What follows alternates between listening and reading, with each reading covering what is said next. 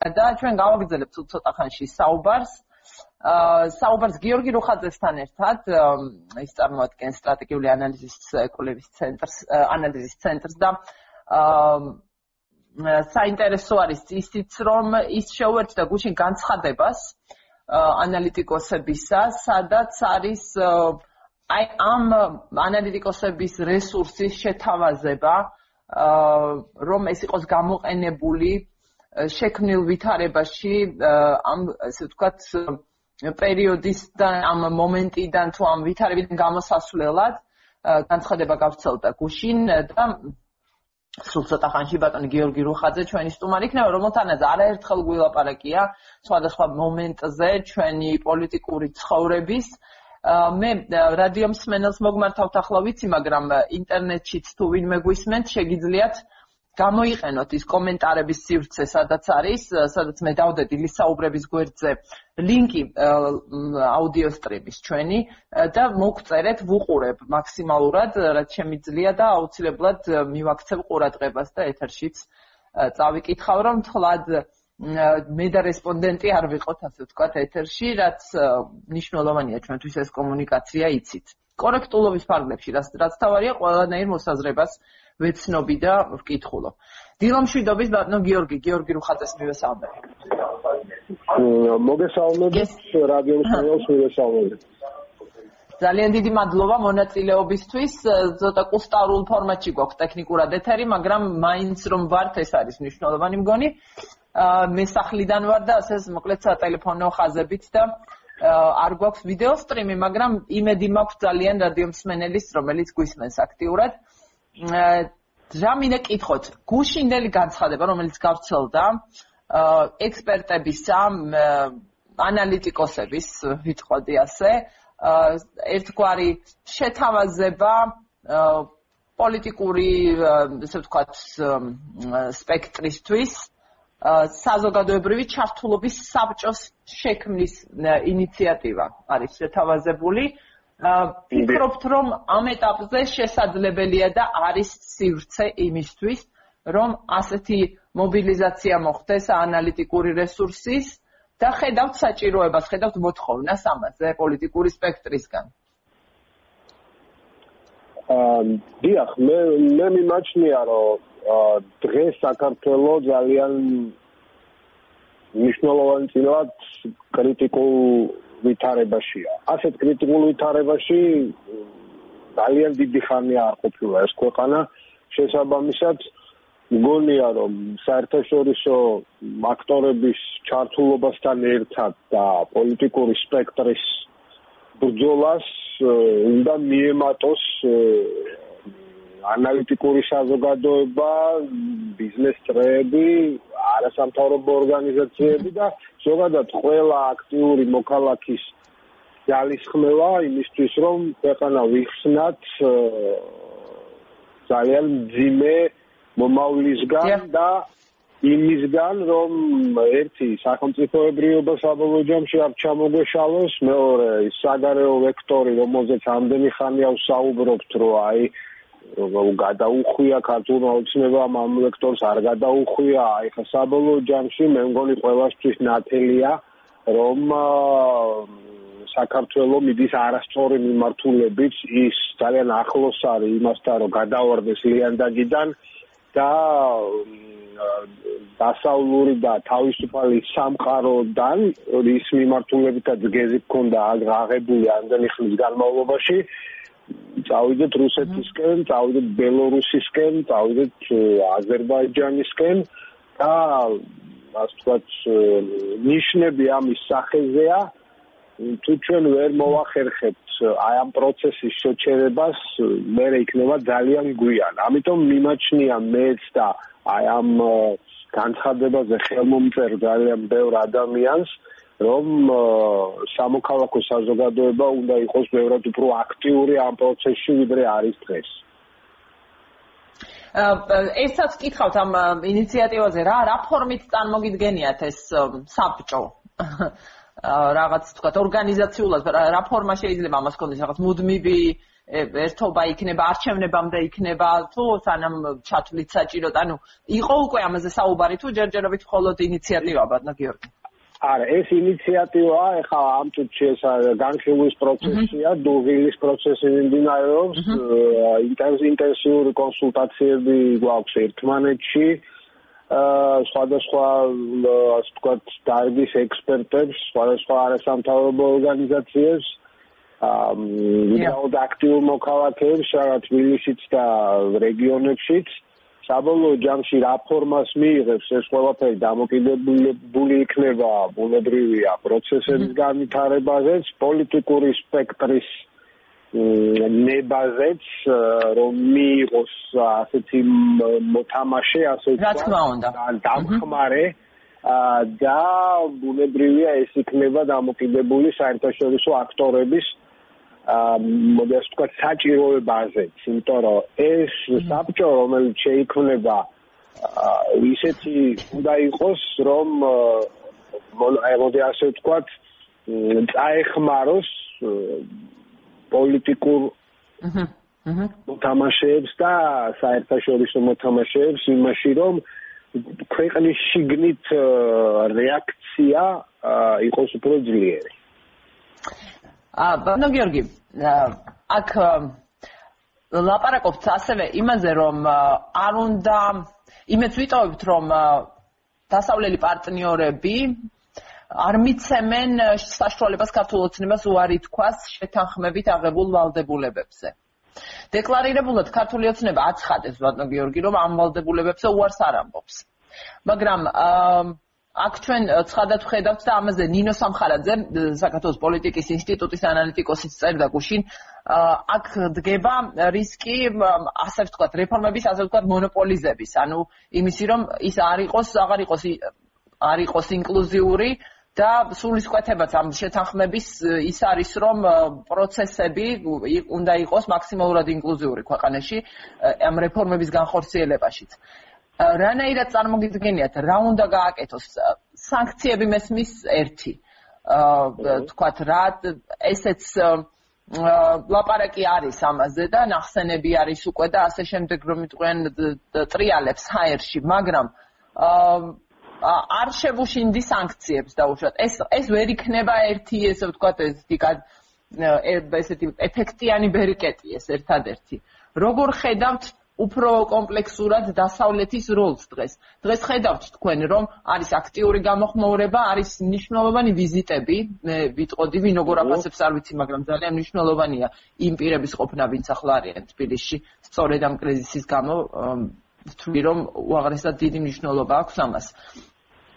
როგორ ხედავთ უფრო კომპლექსურად დასავლეთის როლს?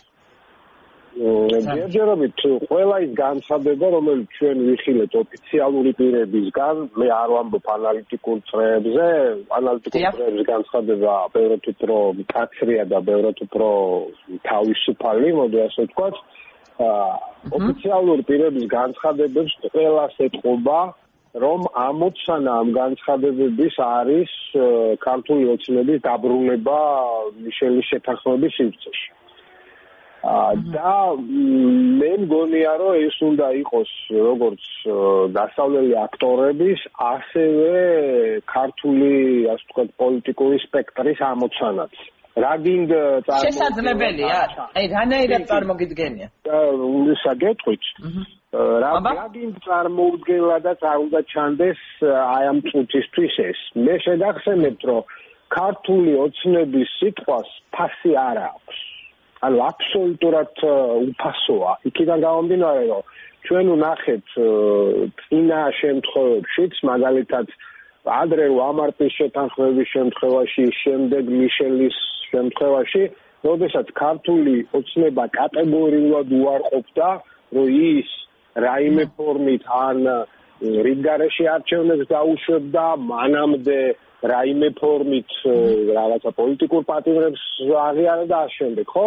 მაგრამ როდესაც კულისებს მიღმა დასავლელი აქტორები აქტიურად იწყებენ მუშაობას, ჩვენ ხედავთ, რომ ქართული ოცნება ასე ვთქვათ, ცვლის თავის გადაწყვეტილებებს. მე დარწმუნებული ვარ, რომ დარწმუნებული იმაში კი არა რომ ქართული ოცნება შეცვლის ამ გადაწყვეტილებას, მაგრამ დარწმუნებული ვარ იმაში, რომ დასავლეთ შეუძლია და აქვს იმის ბერკეტები მინების მიღმა, რა ქვია, ოფიციალური სანქციების მიღმა, რომ ქართული ოცნება აიძულოს დაბრუნდეს უკან მიშელის შეთანხმების ჩარჩოში. და ასეთი არაერთხელ გაუკეთებია და ამაში უნდა მიეხმაროს კიდეც ოპოზიციური სპექტრი. აა ამიტომ მგონია პირადად მე რომ უჯობესი იქნება რომ ანუ ოპოზიცია რომელსაც ხელი აქვს მოწერილი მიშელის შეთანხმებაზე თუ ის არ დაარღვევს ამ შეთანხმებას და მეტიც ნაცმოძრაობა თუ ახლა მოაწყობს ხელს მიშელის შეთანხმებას ჩემი აზრით ეს იქნება კარგი ხელფეხს გაუხსნის ეს აქტორებს რომ უფრო მეტად მეტი წნეხი იქონიონ ქართულ ოცნებაზე და ზოგადადაც მოხდება ესე თქვა ილუსტრაცია ერთი ქართული ოცნება და მეორე მხარეს იქნება ყველა დასავლური ცივილიზაციაც და ქართული პოლიტიკური სპექტრიც ნება მომეცით? ხო დასრულეთ. დროის იქნება როდის დათმობს ოცნება. ეხლა რაც შეეხება იმას რომ ქართული ოცნება ასე ვთქვათ რეფორმების მხრივ მონოპოლიზაცია. ჩემი აზრით ეს ყველაზე ნაკლები პრობლემა. ამას ისედაც ახორციელებდა ქართული ოცნება. თუ დააკვირდებით ის რეფორმებს სელექტიურად ახორციელებდა და მიშელის შეთანხმებას ასრულებდა ისე როგორც მას უნდოდა გაიხსენებ მოსამართლეების კომპონენტი, ხო? მაინც დანიშნა და ამით დაარღვია მიშელის შეთანხმება. აქ მთავარი არის დანარჩენი ყველაფერი. საარჩევნო კოდექსზეც არის სრული თანხმობა, ასე ესეც ხო. საკითხი, რომელზეც იბატონა ქართულმა ოცნებამ. დანარჩენი ოცნება ამბობდა, რომ მე როგორც ვახორციელებდი რეფორმებს როგორც მინდოდა მე ისე გავაგრძელებ იმის განხორციელებას. აი 53% რაც შეეხება აი ამასაც ისე გავაკეთებ როგორც მე მინდა. აი აქ არის პრობლემა. ის კი არა რომ რაღაცა რეფორმების მონოპოლიზაცია და რაღაცა. იგი პირველ პირველ რისკად კი საიდანაც ხო.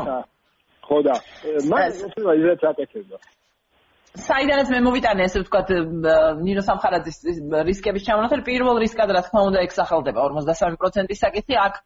მე მინდა დაუბრუნდე პირველ ნაწილს თქვენი პასუხისა და ნება მომეცით შემოფასო ის როგორც ამ ვითარებაში შეიძლება ვწდები სუფთად თეორიულ შესაძლებლობად. მე ხომ მკითხეთ რამდენად შესაძლებელია მეთქი დაბრუნება შეთანხმების ჩარჩოებში ქართული ოცნების დღეს და თქვენ ახსენეთ სიტუაციას სადაც აი აი რომ ნაციონალური მოძრაობა ეხა თუ ხელს მოაწერ ჩვენ მე ვკითხე გუშინ ნაციონალური მოძრაობის წარმომადგენელს და აბსოლუტურად ამაზე ამასაც განიხილა განიხილავენ და ვხედავთ ამას ხო? რომ ამაში ხა ოპოზიციური პარტიები ჩაერთონ. სუფთა თეორია მგონია. რა შეგიძლიათ დაუპირისპიროთ ამას? გეტყვით მე ჩემს მოსაზრებებში აიქნებოდა უკეთესი და ნაცმოძრაობა და მოაწესო არ მოაწევს ეს მათი გადასაწყვეტია და აქამდე არ მოაწერა ხელი ხო? მაგრამ მიუხედავად ამისა მე მიმაჩნია სალომე სამადაშვილი იყო ვინც მოუწოდა ნაციონალურ მოძრაობას დასავლეთის ცდილობს ასე თქვათ ოცნება კი ასე ჩანს. აი ის კანდიდატი რომელიც ყველაზე მკაცრი უნდა იყოს თავისი არსით მაგალითად კონგრესმენი კიზინგერისა და კონოლის განცხადება ისინი კი არ ამბობენ რომ ოცნებამ დატოვა შეთანხმება. ისინი ამბობენ რომ ოცნებამ თქვა რომ დატოვებს შეთანხმებას. ანუ ეს კი კი მიმახსია ყურადღება. რომ კულისებს მიღმა მიმდინარეობს მუშაობა რომ ეს ყველაფერი უკან დაატრიალონ და თუ ოპოზიცია არ მიეხმარება ამაში და მაგა თუ ოპოზიციურ სპექტრის ნაწილს აწყობს რომ ეს შეთანხმება ჩაიშალოს მაშინ ნუ გასაგები ამბავია მაგრამ მე მგონია რომ ელექტორალურადაც აი დააკვირდით ქართული ოცნება ეს რაც გააკეთა ქართულმა ოცნებამ ერთის მხრივ ეს არის იმის შიშით განპირობებული რომ ის აიღებს 53%-ს და შემდეგ უკვე ემოციურად ეს გამოიწვევს ოცნების ჩამოშლას და მეორე რის გამოც ჩემი აზრით ეს გააკეთა უცნებამ არის იმ საარჩევნო სტრატეგიის გაგრძელება, რომელიც დაიწყო 5 ივლისს. და რომელიც კი ბატონო, 5 ივლისს არ დაიწყო, მაგრამ ხო, კულმინაცია იყო. ხო. ხო, მაგრამ პირველ პირველ ივლისს გამოიხატა კონტური რეალურად. არჩევნების სტრატეგიის სასგეუნებით მე აი ამ ადგილობრივ არჩევნებისთვის გეთახმებ. დიახ, დიახ. რა, ანუ ეს არის იმის გაგრძელება, რითაც ქართული ოცნება თავის აუმრჩეველს ეუბნება, რომ მე გავაკეთებ ისე როგორც მე მინდა, დავარღო ყველა წეს. და ვერ ამაშია საქმე, კი? რისელი და ვერც აქ ვინმე ვიღაცა ამას მე ვერ გავა ეს ერთი გზავნი და მეორე ამით აგზავნის ასე ვთქვათ დანარჩენ სხვა ადამიანებთან გზავნის რომ თქვენ სკეპტიკურად უნდა იყოს განსხვავებული, რომ ვინმე რამეს გიშვენით. და აი როგორც თავი დაუტეხეთ, ვისაც გვინდოდა, ხო, ისე დაგიხავს თქვენს თავს. აი ახლა აი ამ კონტექსტში ოპოზიციის და საერთაშორისო საზოგადოების ამოცანა უნდა იყოს რომ სარტისებურად კი არ უპასუხოს ქართულ ოცნებას და უთხრას რომ არა ჩვენ გაგიტანთ თავს. ან ჩვენ უგულისხმიერები ვართ. დააბრუნოს უკან დააბრუნოს უკან იმ შეთანხმებაში რაც ოცნების მხრიდან იქნება აღიარება სისუსტისა და დამარცხების. ვებით და მე უკვე არჩევნებში ეს იქნება უჩვეულებრივად უბრალოდ გადათარგმნა ამ ყველაფრისა საარჩევნო ყუთებში.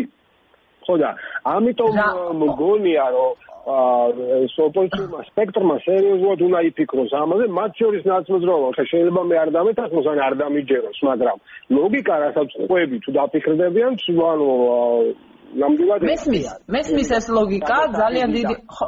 თუმცა მიუხედავად იმისა ნაცნობრობა რას იზავს ან დანარჩენი ოპოზიციის სპექტრი რას იზავს მე მგონია რომ დასავლეთიდან ყველა შემთხვევაში იქნება ძალიან ძლიერი ზეწოლა კულისებს მიღმა ოცნებაზე რომ ის დაუბრუნდეს შეთანხმებას. მაგრამ როც არ დაუბრუნდეს საბოლოო ჯამში შეთანხმებას ეს 53% არ სადარ წასულა ეს ყველა შემთხვევაში არის ემოციური ზღვარი და ბარიერი, რომელსაც ოცნება თუ ვერ გადაწყობს, ის მაინც მაინც მოუწევს ახალ არჩევნებზე წასვლა.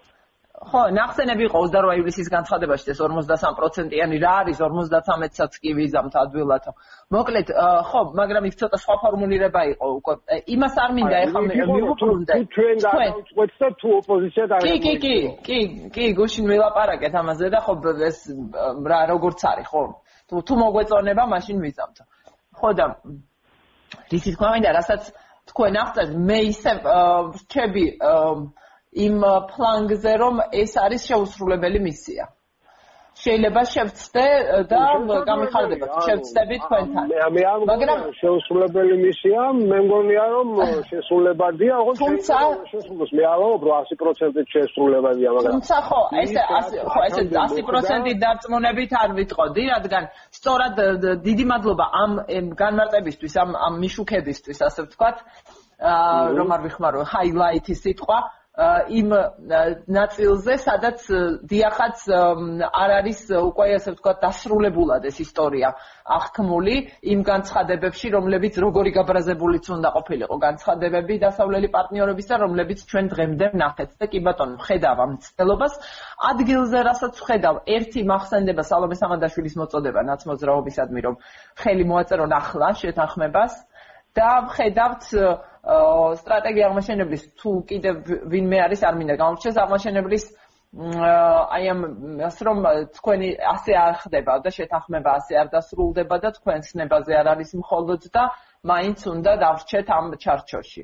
აა სუსტი არის საკმაოდ თქვა მის თქმა მინდა ეს ხაზი, ეს მიმართულება ამ ეტაპზე. და თანაც არჩევნები ახლავდება და CGUT-ს ეს კიდევ უფრო CGUT-ს პოლიტიკურს გააძლიერებს მხოლოდ და განამტკიცებს. კი, გეთანხმებით, რა ქვია, რომ ეს საკმარისი არ არის იმისთვის, რაც ეხლა ხდება განცხადებების დონეზე, მაგრამ მე იმიტომ ამბობ, რომ კულისებს მიღმა ჩვენ ხო არ ვიცით რა ხდება, ხო? შესაბამისად, თარიღა იყო რამადამდეც ამ შეთანხმებას სანამ მიიღწეოდა და იგივე მიშელის შეთანხმებამდე. აი თავიდან ხო გახსოვთ რომ ან გააფიჩინებული ფეხებით ამობდა ოცნება რომ გამორიცხულია რომ რა ფორმით ახალ არჩევნებზე ვისაუბროთო და მე თვითონ კობახიძე გამოვიდა და წინასწარ დაანიშნა ბრიფინგი დაასწრო ერთი დღით მიშელს და თვითონ თქვა რომ ჩვენ თვითონ ჩვენი კეთილინებით უზადავართ, რომ ეს 53 თუ 40%-იანი ბარიერი შემოვიღოთო. ანუ მაგ ლოგიკით ეხა თქვენ რასაც უყურებთ, ხო? არც ეს შეთანხმება ჩანდა, ხო, მაშინ? იმიტომ ყველას ეგონა რომ თითქმის დასრულებული იყო ეს ყველაფერი, მაგრამ ეს ამბავი შემოტრიალდა. შემოტრიალდა რატო? იმიტომ რომ კულისებს მიღმა მოხდა რაღაც. და ყველა ხვდებით რომ ეს კულისებს მიღმა ოპერაცია უკავშირდება ივანიშვილს მის აქტივებს, მის გადაადგილების თავისუფლებას და მის უსაფრთხოებას. აჰა და ეხა ეს ზოგადი განცხადებებით იქ ვერავინ ვერ დაწერს რომ რა ქვია ვიღაცა დაურეკავს იონიშულს და ეტყვის რომ ეს ასე იქნება ან ისე იქნებაო რა და რაც შეეხება იმას რა ქვია ა თუ დააკვირდებით საერთოდ განცხადებებში იგივე ამერიკის შეერთებული შტატების ბრიტანეთის სახელმწიფო დეპარტამენტის განცხადებაში შაულ მიშელის განცხადება შუალედური განცხადება იყო და არ იყო საბოლოო განცხადება ანუ იქ ლაპარაკია რომ მე ლაპარაკობ ხა იოცნებასთანაც თანაც და იმასაც უსმენ იმასაც იცი რა ქვია ბიჭებო და მე რაღაცაო. ხო ანუ და თუ დააკვირდებით ყველგან არის ხაზგასმული რომ ოპოზიციამაც ვინც არ მოაწერა ხელი მოაწეროს ხელი ამ შეთანხმებასო ანუ კი კი ნამდვილად შეთანხმების შენარჩუნების იმედი რო არ კონდეთ ამას არავინ არ დაწერდა. ხო ხტებით? ანუ დასავლეთს უნდა რომ ოპოზიცია მისცეს მას გააძლიეროს მისი პოზიცია ამ იმაზე ხელმოწერით, რომ შემდეგ მერე დააწვეს ოცნებას უფრო ძლიერი წნეხით.